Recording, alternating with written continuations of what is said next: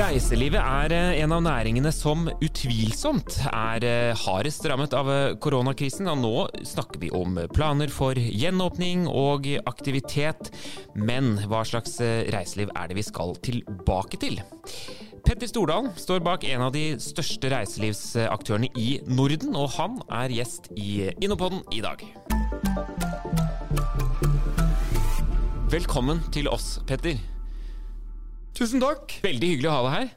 Ja, eh, gleden er på min side, men jeg må si jeg var litt overrasket eh, når man skal liksom til eh, Innovasjon Norges hovedkontor. så, så, så, bygges det opp en viss grad av forventninger. Eh, og jeg tenkte som så her får jeg både eh, litt sånn barista-style på kaffen, jeg kan velge mellom mineralvann, eh, og ikke minst, jeg får sikkert eh, Jeg tenkte er det karbonade de kjører, Innovasjon Norge, eller kjører rekesmørbrød? Sannheten er, de har ikke engang De her er så Jeg har aldri vært i så Det er ikke lys her engang? Det er ikke engang lys. Det er veldig bærekraftig. Jeg, har fått, jeg fikk riktignok eh, vann med bobler, eh, men det er veldig nøkternt. Og det, og det må jeg si, det lover godt. Da vet jeg at her eh, brukes alle penga der penga skal brukes. Og så sier det jo litt om eh, hva slags tid vi er inne i. Eh, nedstengingens tid. Velkommen til deg også, da, Håkon Haugli. Det er, det er ikke du som har ansvaret for lysene her heller. Jo, det er jo egentlig det. Så ja, nei, dette er jo ikke et bevisst signal. Det er sånn det er her. vi får prøve så godt vi kan. Petter, det er jo en alvorets tid, dette her. Altså, hva, hva, er din temperaturmåling av, av reiselivsbransjen akkurat nå? Ett år etter nedstengingen begynte. Eh, det har jo i særklasse vært eh, den mest krevende krisen som reiselivet noensinne har stått i. Altså, og jeg, om jeg trekker linjen tilbake helt fra jeg begynte i business i 87, så er det ingenting, inklusiv den uh, enorme krisen vi hadde i 90, 92, uh, finanskrisen som vi kjenner, uh, ingenting har vært i nærheten av dette. forskjellen denne gangen er at det treffer så spesifikt på reiselivet. restauranter, barer, hoteller, cruiseselskaper alle, all de fantastiske, innovative reiselivsbedriftene man har opp langs kysten. Mm alle rammes. Det er ikke bare vi som har lysene slukket? Det er veldig mange lys som nå har slukket. Mm. Og det, det, sier seg selv. Dette var jo en næring som før mars 2020 var en fantastisk viktig næring for landet. Det var et satsingsområde. Det var noe av det som liksom eh, vi var det, altså Bransjen var integreringsmaskinen for veldig mange grupper mennesker som kanskje hadde vanskeligst for å komme inn i arbeidslivet. Fikk sin første radio i CV-en, hos oss eller hos andre. Når vi rammes, så tror jeg i første omgang Vi var jo veldig tidlig ute med å adressere utfordringene som vi står overfor. Jeg husker fortsatt at Torgeir, lenge før regjeringen kom med sin lockdown, sa i et intervju og det, la meg si det sånn, Han gir en hel del intervjuer uh, hvor han gir intervju, og står også et bilde av meg, selv om ikke jeg har vært til stede. Denne gangen fikk han hele forsiden av en av Norges største eh, finansaviser eh, selv. Overskriften var 'Verre enn Tsjernobyl'. Torgeir sa han tok det verste han hadde opplevd, av sånn natur, eh, altså som ikke var finansielle kriser, og sa dette er noe vi aldri har sett før. Eh, så tror jeg at det rammer veldig ulikt. Det er noen næringer som er rammet enormt hardt. Eh, og så er det andre som nesten ikke merker det. Og noen tror jeg faktisk eh, har du hytte på Hafjell og får beskjed om at du må ha hjemmekontor, og du får, eh, så, så blir fort hjemmekontoret Du får sånn tirsdag, torsdag, ti til to på jobben, og så resten kan du være på hytta på Hafjell. Men de, man, de jeg tror er rammet hardest, er kanskje reiselivsnæring i særdeleshet. Kulturlivet. helt brutalt. Alle de som arrangerer konsert konserter, arrangementer, alt det som gir oss liksom, eh, glede, liksom, eh, de er jo nesten utradert. Eh, og dette handler jo en, Det handler selvfølgelig om økonomi, men det handler veldig mye om mennesker. Vi har nå 8000 permitterte. Det er 8000 familier som blir ramma. Mange av disse er, har vært de mest sårbare før, og veldig mye av jobben har gitt de veldig mye som nå er tatt bort. Mm. Fordi jeg tenkte litt på dette her med at dere, ja, dere er jo, har store kjeder og er sett på som en stor aktør, men dere, har jo også, dere er jo også hjørnesteinsbedrifter på, i, i, mange steder i Norge. Kan du si litt om det? Hvordan det, det har påvirket uh, dere? Ja, uh, og det er, det er, ikke bare oss. Vi er den største aktøren. Uh, men dette gjelder jo veldig mange bedrifter. Jeg leser jo mange bedrifter som basically har hatt hotellvirksomhet og annen virksomhet gående helt fra forrige århundre. Eh, langt liksom eh, før krigen, liksom. Eh, og som nå for første gang ikke klarer. Klarer ikke å betale regningene. Og eh, jeg tror noe av det som har vært det mest krevende, er fra lockdown kom i mars i fjor, så trodde mange at eh, Og mange var nok nesten naive og tenkte at sommeren ble jo ok i Norge. Vi så at dette var bare lite blaff.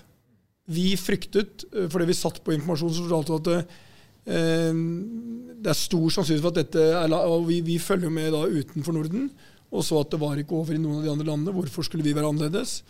Eh, og så ble jo eh, For bransjen så ble jo både august, september og delvis oktober, i hvert fall september, ok.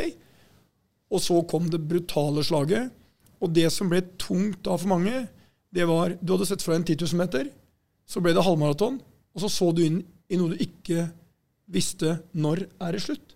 Eller blir det slutt? Vi satt øh, og analyserte dette, um, og vi trodde nok også lenge at det skulle være slutt i mai. At da åpner alt igjen.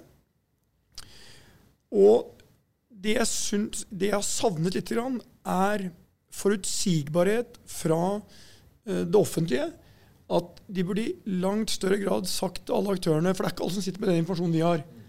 Du når, selv basert på det siste vi har fått beskjed om nå, at uh, Johnson Johnson, altså Janssen-vaksinen, ikke sannsynligvis kommer, og AstraZeneca mest sannsynligvis ikke kommer, så vil vi nå gruppeimmunitet, altså alle over, 70, alle, alle over 18 år, 70 av de er vaksinert innen et visst tidsrom. Da vil mye være gjort.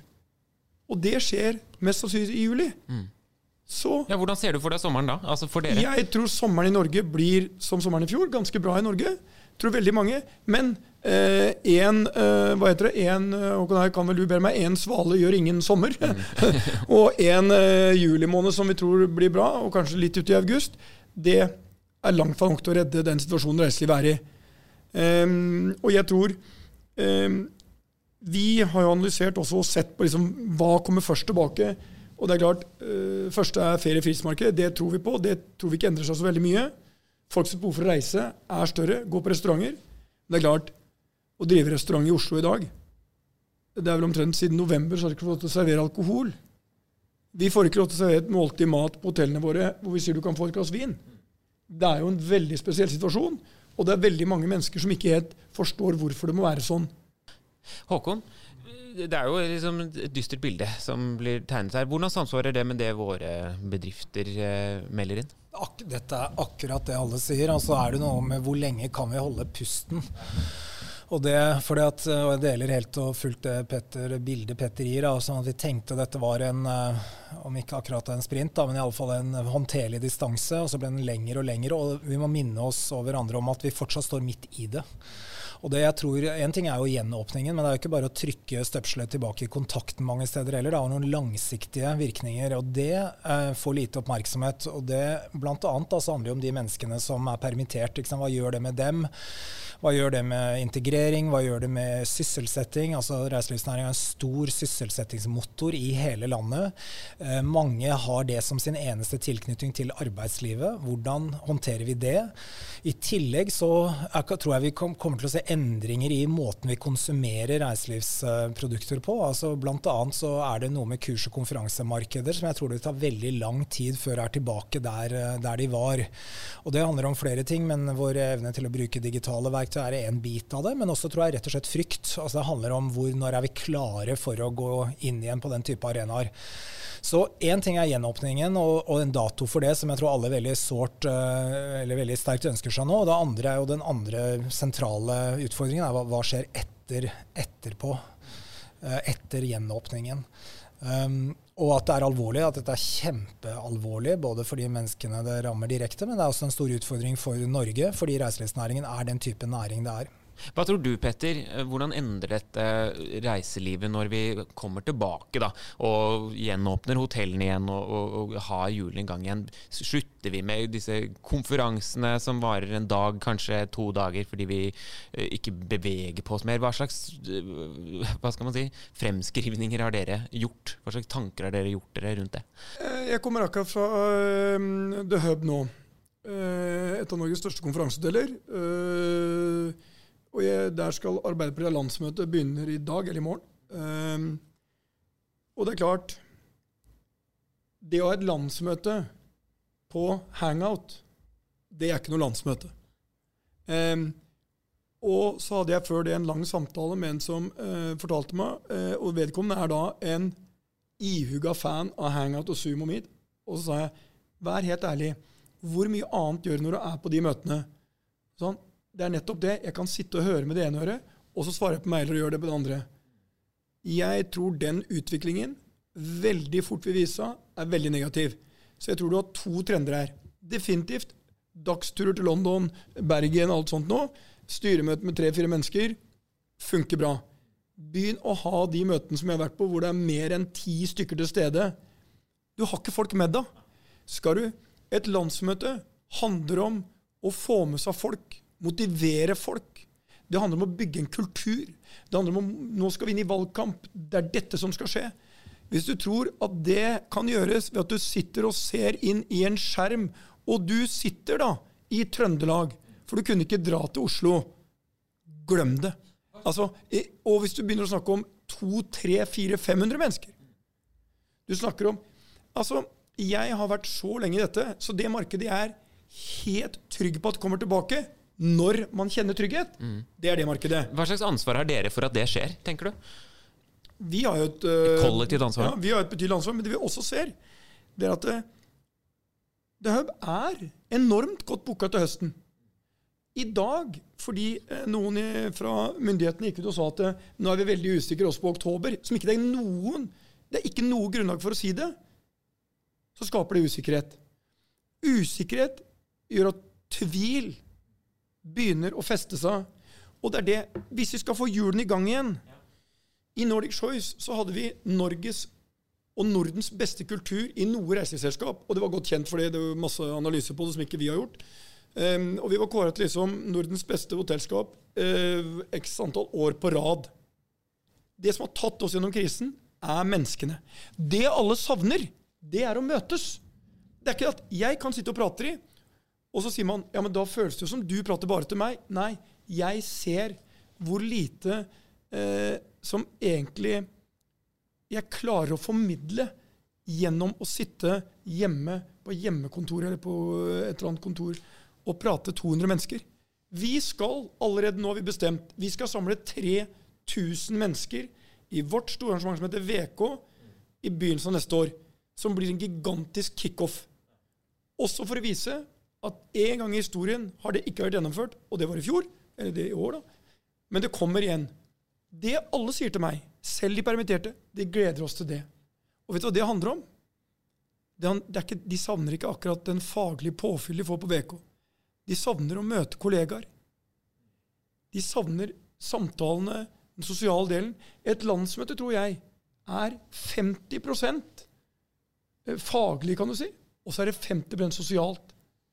Eh, og tro at, kunne, at, du kan bygge noe, få noe innovasjon, få liksom Å gjøre det på Meets og Hangouts og Zoom. Mm glem Håkon, er vi gode nok til å ja, se den der gjenåpningen der, da, i, og, og, planlegge for å, å, tørre å ta den? Eller må vi være mer nøkterne, vi som, som, jobber med disse bedriftene?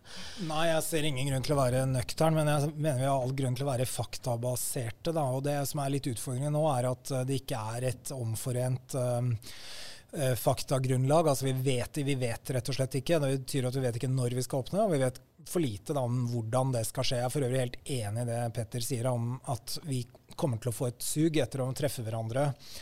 Og det er veldig mange andre dimensjoner ved det. Og dette med liksom en stor virksomhet da, som vår, som er liten i forhold til Nordic Choice, men som er også en eh, distribuert virksomhet hvor folk sitter rundt i verden. De, alle de sidesamtalene, den klemmen, den omsorgen da, som en, både en leder viser medarbeidere, og som vi viser hverandre på jobben, er jo borte. Så jeg tror det kommer til, når det åpnes, så tror jeg at vi kommer til å eh, agere deretter.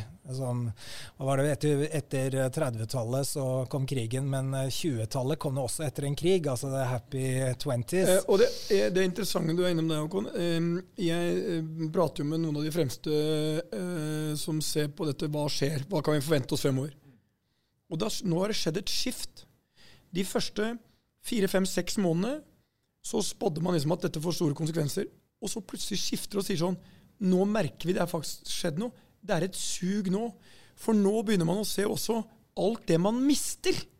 Før var det fokus på alt det man får. Man reiser mindre, og bærekraft blir bare viktigere og viktigere.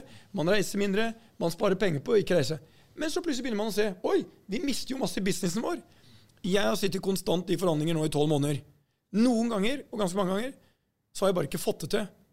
Og en av de viktigste forhandlingene vi gjorde, som Torgeir, min uh, kollega og toppsjef gjennom uh, en mannsalder, over 20 år Vi sa, sa, bare det eneste måten å få det på, vi må dra til Stockholm og møte dem. Det vi hadde holdt på med i én måned og ikke fått løsning på, det brukte vi ett møte på At Six i Stockholm og fikk til. For da kommer det mange ting du mister. Jeg kunne sitte og si nei, nei akkurat det du sitter med der, det papiret. Og så hadde vi attention hele tida han advokaten var spilt på siden, som var så aktiv i de um. Plutselig kunne vi snakke til de som bestemte og sagt ja, men se her, sånn ser det ut. Jeg gikk på tavla og forklarte dette er det vi må gjøre. Sorry, nå skjønner vi det. Og, og jeg er over gjennomsnittet god til å formidle også på hangout og Zoom-meets. Så jeg sier sånn til alle de bedriftene der ute som hører på dette, ikke mist trua. Det står ikke på pengene. Det står på reglene. Og noen der, Derfor tror jeg altså Jeg tipper hvorfor den eh, danske statsministeren Mette Fredriksen sa klart ifra da åpner København. Så tror jeg Hvorfor bruker folk penger på å reise på København? Vet du hvorfor? De går på tivoli. De går på restauranter. De, på, de bor på hotell. Og København er så viktig. Sommeren i København er så viktig. Så de sa vi må sette klare datoer for hva dere kan forvente. Slik at vi kan begynne å planlegge. Og vi har begynt å planlegge for det. Men samme som, vaksinepass, som, en, som jeg syns er en håpløs diskusjon. For det er ikke vaksinepass, det er et covid-pass. Det er ikke ekskluderende. Alle kan få det. Uansett. Du får det når du er vaksinert, du får det hvis du har antistoffer, eller så kan du ta en nylig avholdt PCR-test. Jeg aksepterer fullt ut når jeg reiser til Afrika, som jeg tar en del vaksiner. Skal man reise i Europa til sommeren, så sier EU da må man ha eh, EU, altså koronapass. Det kan alle få. Og så sier jeg det hadde bare man sagt kom, EU sier at det skal komme på plass før sommeren. Jeg savner den samme forutsigbarheten veldig klart uttalt fra norske myndigheter. Gi oss det! For det er alle de små tingene som skal dra maskinen i gang igjen. Og til slutt, Petter, eh, og også til deg, Håkon, eh, for så vidt. Altså, vi, vi hvor, du er jo også kjent for å være en eh, optimist eh, på mange måter. Eh, Petter Troland. Hvordan skal vi få tilbake optimismen i bransjen der vi står nå? For den, jeg skjønner på deg at det, det, er viktig for at vi skal klare nå å komme har jo, Jeg må ta ordet før Håkon er nå. Nå, har jo, nå har jo pessimistene fått stått aleine på dansegulvet i 13 måneder. Og det er, ikke, det er altså ingen grense for hvor pessimist man kan være. Um, um, og så så, men jeg tror liksom det er ikke pessimistene som har bygd landet. Det er ikke pessimistene som skapte Hydro. Det er ikke pessimistene som fant olje i Nordsjøen. Det er de som tror. Det er optimistene. Og uansett hva som eh, står framfor meg, så velger jeg alltid å se på dette glasset her sånn. Det er halv fullt. Og sånn kommer det alltid til å være. Uten kulturen og optimismen i Nordic Choice så hadde vi aldri stått der. Vi sa vi var best før krisen. Vi skal være best gjennom krisen. Vi skal ta vare på folkene våre, og vi skal være best ut av krisen. Og så må man bare bestemme seg for det. Men det, det budskapet går også til alle som er viktige. Byråkratene våre er viktige. FHI er viktig. Men de må gi oss litt De må gi oss noe tro på. tar du bort trua, så tar du bort veldig mye for mennesket. Et eksempel. Min sønn er nå blitt 24. Holdt på å si 23. Ja. Holdt på å glemme bursdagen også. Han og vennene hans, de, altså, de, de, representerer en generasjon som vi nå har basically holdt innelåst i snart et år. Hva er konsekvensen av det? Gi de i hvert fall håp om at det, da kan dere slippe Da kan dere slippe alt løs. Og det jeg er helt sikker på, som var analysen fra de menneskene som jeg snakka med, det var vi kan få tre-fire år nå som blir liksom hva heter the roaring twenties. Fordi folk har så mye Det er sånn Så jeg er Jeg har aldri vært mer optimist siden mars 2020 enn jeg er akkurat her jeg sitter nå. Vi er på slutten, men eh, jeg savner tross alt at myndighetene hadde kommet enda klarere på banen. Håkon, deler du den voldsomme optimismen her? ja, men jeg gjør det. Jeg er 100% altså, jeg var, jeg bare tar jeg, I fjor sommer så reiste alle nordmenn på ferie i eget land. Bare det at nordmenn oppdaget hvilket fantastisk land Norge var å feriere i, gjør at vi har fem millioner og et eller annet ambassadører for Norge som reisemål. Det kommer til å komme en gradvis gjenåpning. Jeg tror først nasjonale, så det våre nærmeste naboland, og så utover. Og Norge som reiselivsdestinasjon har egentlig, tror jeg, aldri vært et bedre sted å reise til enn det vil være etter korona. Det er rent her. Vi har bevisste, bærekraftsorienterte mm, reiselivsaktører.